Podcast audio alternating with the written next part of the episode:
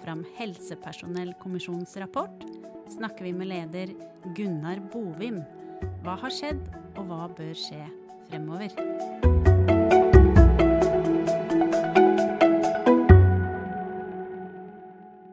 Velkommen til KS-podkasten Der livet leves. Jeg heter Jan Inge Krossli. Og jeg heter Ida Slettvold. Denne uken så er det altså KS-toppmøter og lansing i Trondheim. Og når over 800 ordførere, kommunedirektører og andre folkevalgte møtes, så står naturlig nok framtidas helse- og omsorgstjeneste høyt på agendaen. Gunnar Bovim, hjertelig velkommen til oss. Tusen takk. I fjor så var det du som sto på scenen på kommunalpolitisk toppmøte og tegna og forklarte om Helsepersonellkommisjonens rapport. Eh, og i år er det Ingvild Kjerkol, statsråden, som skal fortelle om hvordan regjeringen skal ta dette, dette videre. Vi kan komme tilbake til Kjerkol og regjeringens planer fremover, men først en kort repetisjon. Den store utfordringen Helsepersonellkommisjonen pekte på i sin rapport, er at det blir mange flere eldre og færre yngre frem mot 2040. Så større behov for helse og omsorg, færre til å gjøre jobben. Er det riktig oppsummert? Ja, eh, Det blir ikke færre yngre, men det blir ikke flere. Mm. Og det som er greia, er jo at etterspørselen udiskutabelt øker. Og så er vi litt usikre på om samfunnet vil være i stand til å prioritere helse- og omsorgstjenester så høyt at vi klarer å holde tritt med denne etterspørselsveksten. Mm. Men så er dere optimistiske, sa dere i fjor, og dere har en, si, et bredt spekter av ulike tiltak. Kan du også det kort oppsummere, så folk henger med? Ja, Vi er optimister fordi vi, vi, mener at det er ting vi kan gjøre for å gjøre helse- og omsorgstjenestene bedre uh, gjennom å organisere annerledes prioritere bedre. Og det er kanskje det vi er nødt til å gjøre mer av, men som vi er veldig utrent på. Så ser vi at det er teknologiske muligheter som vi kan utnytte bedre. Ikke bare til høyere kvalitet, men også til å gi god kvalitet med færre ansatte. Så ser vi at det er jo et ulikt behov. Altså det er særlig i kommunene, særlig nært der folk bor, at etterspørselen vil øke mest. Og det er jo en politisk prioriteringsdebatt i seg selv. Mm. Uh, og det, det, er, det, er, mange aspekter i dette som krever ulike tiltak. Men vi, grunnen til at vi var optimister, var jo at vi, vi mener at det er noe å hente. Samtidig så tror jeg vi skal erkjenne at det er ikke sånn at dette er et problem som løser seg av seg selv. Mm. Men kommunene må få mer ressurser? Kommunene blir veldig sentrale i å finne en løsning her. Eh, men jeg tror ikke dette løser seg ved en omfordeling f.eks. fra sykehus til kommuner.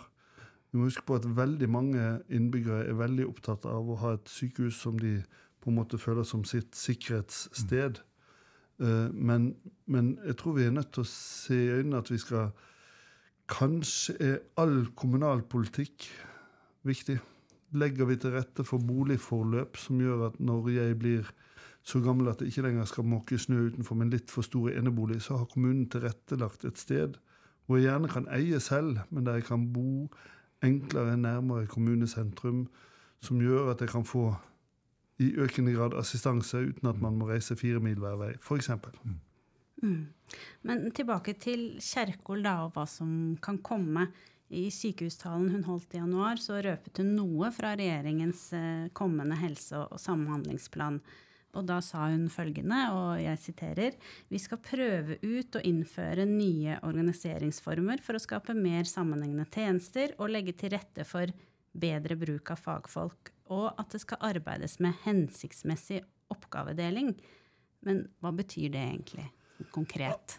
Det er jo flere nivåer av dette. Det ene er arbeidsdelingen mellom sykehusene og kommunene. Det andre er mellom sykehjem i kommunen og, og hjemmetjeneste, f.eks. Det er liksom disse organisatoriske. Men det er en arbeidsdeling som vi pekte på, som også er veldig viktig, er jo at vi må bygge nedenfra i kompetanse.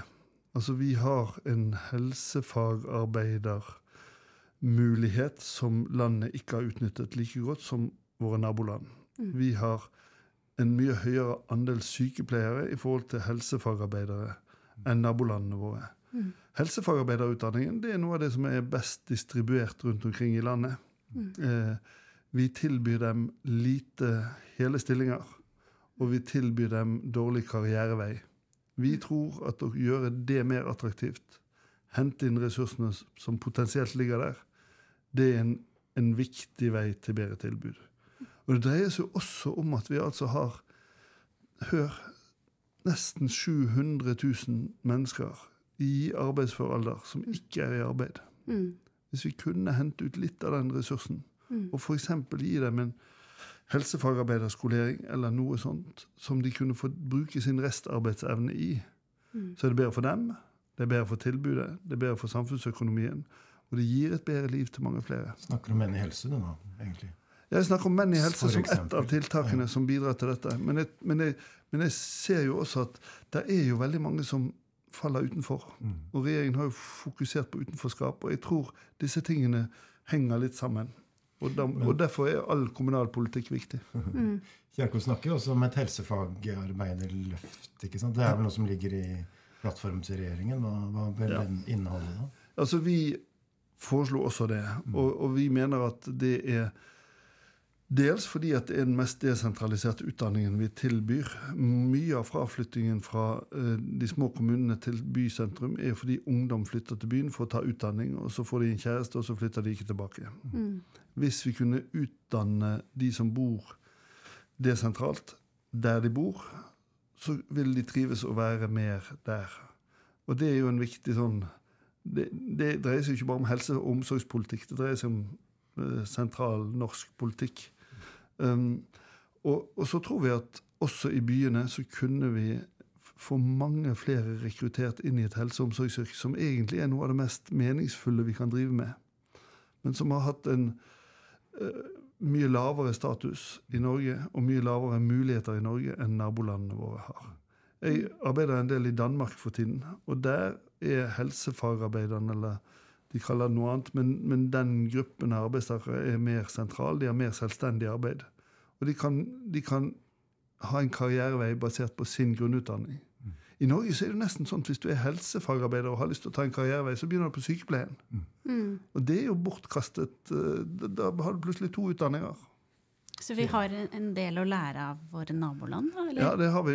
Og vi har nok, altså hvis jeg skal være litt vulgær på det, så, så er jo det at vi har hatt råd til å gjøre dette. Vi har Mm. hatt penger nok til å ødsle litt med ressursene. Vi har ikke måttet sånn finklemme dette så nøye.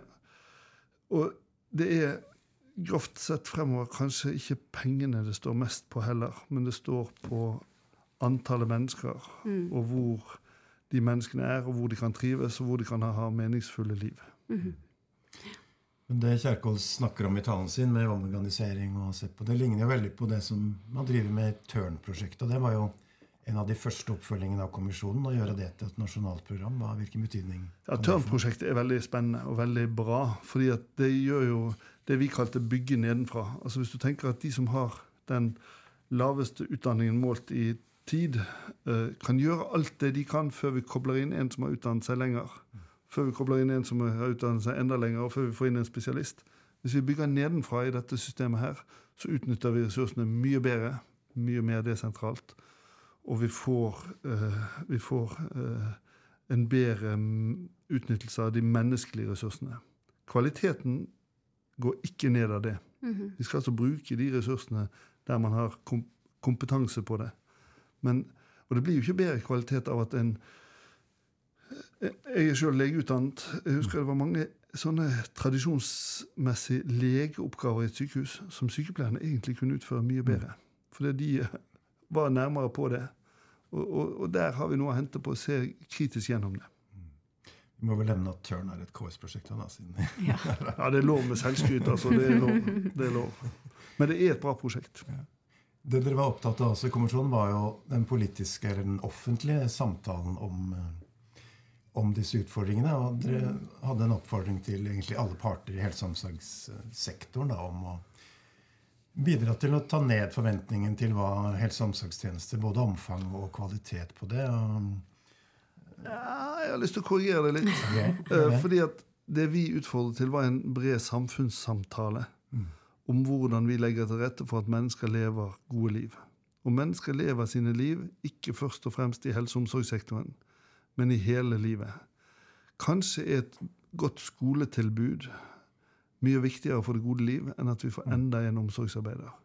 Kanskje er kulturskolene med ballbinger og hva det måtte være, desentralt ut, som gjør at ungene kommer på riktig vei, får fysisk aktivitet og er sånn. Det er kanskje mye viktigere for både god helse, godt liv, velfungerende demokrati og alt dette her. Sånn vi, vi mente at denne store samtalen måtte dreie seg om hele arbeidslivet, hele samfunnslivet.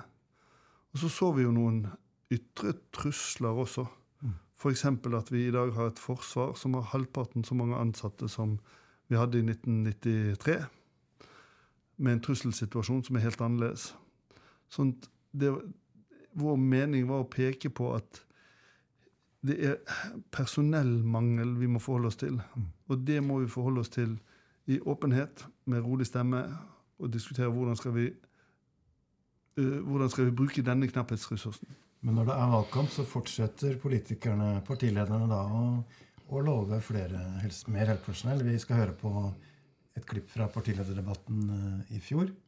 Det er den viktigste valgkampsaken vår innenfor eldreomsorg nå. Det er flere kvalifiserte hender. Og så må vi altså ha nok kapasitet i sykehjemmene, og så må vi rekruttere unge mennesker så det er nok. Og vi kommer til å bli flere eldre, men, og derfor så er dette en hovedoppgave for fellesskapet. Og så må vi utdanne flere folk. For når dagens 60-åringer blir 80, så trenger vi rundt 50 000 flere folk. Og da må vi ha mer sykepleiere, flere fagarbeidere, og vi må ha mer desentralisert utdanning.